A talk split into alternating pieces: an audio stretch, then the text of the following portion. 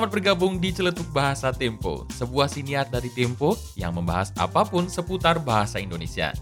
Siniar atau podcast ini diasuh langsung oleh UU Suhardi, Koordinator Redaksi Bahasa Tempo 1998 hingga 2020.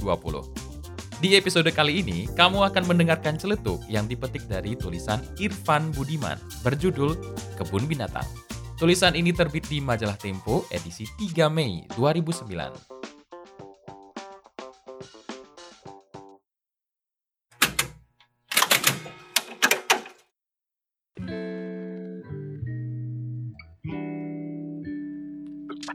Bedul baru saja selesai mengepel lantai. Tiba-tiba, dengan santai seekor kucing melintas. Empat kakinya yang kotor meninggalkan jejak, yang membuat Bedul naik darah. Dia lalu mengejar kucing itu sambil mengumpat. Tapi sang kucing punya tenaga ekstra. Secara refleks, dia kabur. Tinggal si Bedul yang menahan marah. Monyet loh, bikin capek orang aja. Seketika pula, kucing itu menghentikan langkahnya Matanya mendelik ke arah bedul, lalu berucap, Saya kucing, Pak, bukan monyet. Cerita ini tentu saja rekaan. Namun, hal yang bisa dipetik dari rekaan itu adalah dalam berbahasa ternyata kita sering keliru. Kalaulah ada yang bisa dimaafkan, mungkin karena bedul sedang mengumpat. Tapi ada contoh lain. Kata bangsat misalnya. Binatang ini hanyalah kutu busuk yang kecil yang mengakibatkan gatal-gatal. Namun, binatang ini mendapat porsi kekuatan yang luar biasa. Dia selalu datang bersama kemarahan yang besar. Bangsat, bikin malu saja, kata seorang bos ketika tahu anak buahnya menyajikan jajanan murah kepada rekan bisnisnya. Ternyata, binatang kerap menjadi makhluk yang paling menderita dalam hasanah bahasa kita. Ia kerap dipakai saat emosi sedang terpanggang. Umpatan dengan menggandeng binatang lebih diterima dalam ukuran norma kesopanan dibandingkan misalnya dengan menyebut kelamin atau perkelaminan. Kalaupun tidak untuk mengumpat, nama binatang sering bergandengan dengan hal-hal yang buruk atau negatif. Kita memang masih bisa menemukan istilah dengan nama binatang yang berkonotasi positif, tapi jumlahnya terbatas. Misalnya mata elang untuk menyebut mata yang tajam atau burung merak untuk menunjukkan keanggunan. Adapun kancil, binatang yang lincah, melekat pada sosok Abdul Kadir. Dia adalah pemain sepak bola yang memang lincah di lapangan hijau. Selebihnya, kita cenderung mengangkut semua penghuni kebun binatang dalam kalimat yang berkonotasi negatif. Istilah air mata buaya adalah sebutan bagi mereka yang menggunakan air mata untuk melemahkan hati lawan bicaranya. Otak udang merupakan cercaan kasar bagi mereka yang sangat lama dalam memahami sesuatu yang sangat sederhana. Ayam sayur adalah sebutan untuk orang penakut. Ada pula istilah buaya darat, sebutan bagi orang yang suka berganti pasangan, meskipun konteksnya tidak tepat loh. Untuk menunjukkan perilaku berganti-ganti pasangan, semestinya kelinci lebih pas. Binatang ini paling doyan kawin dan punya banyak anak. Paling parah adalah perumpamaan binatang untuk perilaku manusia.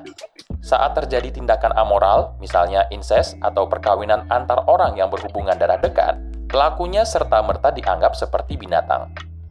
Dalam ilmu genetika, hasil hubungan dalam kekerabatan yang dekat berpeluang menimbulkan keturunan yang cacat. Namun, rasanya tak pernah ada kucing atau ayam di sekitar rumah yang terlihat pengkor kakinya atau cacat lain yang bisa menyertai akibat perkawinan sedarah. Lebih jauh, dunia perdongengan hewan atau fabel juga memberikan implikasi tentang karakter binatang. Kancil identik dengan binatang yang cerdik, nakal, dan suka mencuri mentimun milik petani. Karena itu, si kancil sebagai anak nakal harus dihukum dan jangan diberi ampun. Sebenarnya ini hal yang unik. Di Indonesia yang agraris ini, semestinya bahasa kita kaya dengan persahabatan manusia dengan makhluk sekitarnya. Binatang menjadi teman, bukan lagi semacam sosok yang kerap bikin masalah.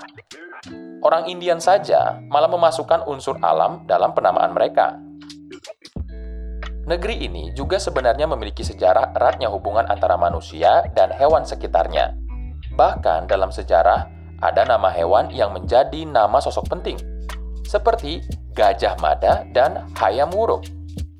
Beberapa suku di negeri ini pun menunjukkan keakraban dengan binatang. Orang Sunda misalnya mempunyai panggilan khusus bagi hewan berdasarkan usianya. Anak kerbau dipanggil eneng. Nah, kalau di Jawa dipanggilnya gudel. Namun lagi-lagi, ketika amarah menyergap, keakraban itu hilang. Umpatan yang berseliweran malah monyet siah, dasar munyuk. Komik yang terbit pada 1970-an justru lebih kaya akan umpatan yang lebih netral, seperti bedebah, keparat, kurang ajar, atau sundel. Kata-kata ini jauh lebih menghormati binatang yang tak lain makhluk yang hidup bersama manusia yang berbahasa. Soal kosakata binatang ini, kamu masih akrab dengan istilah cebong dan kampret kan? Nah, kalau menurut UU Suhardi, orang yang suka bilang kampret dan cebong dalam konteks politik, umumnya adalah orang yang tidak menyukai kedamaian dan cenderung sakit secara psikologis. Dan pendidikan tinggi tidak menjamin orang santun berbahasa. Media sosial menunjukkan hal itu.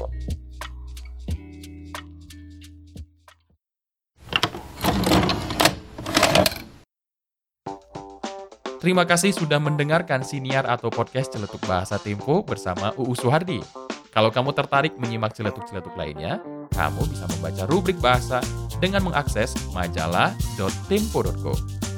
Saya Dewa Made, mengisi suara di episode kali ini. Nantikan episode selanjutnya tiap awal pekan. Salam!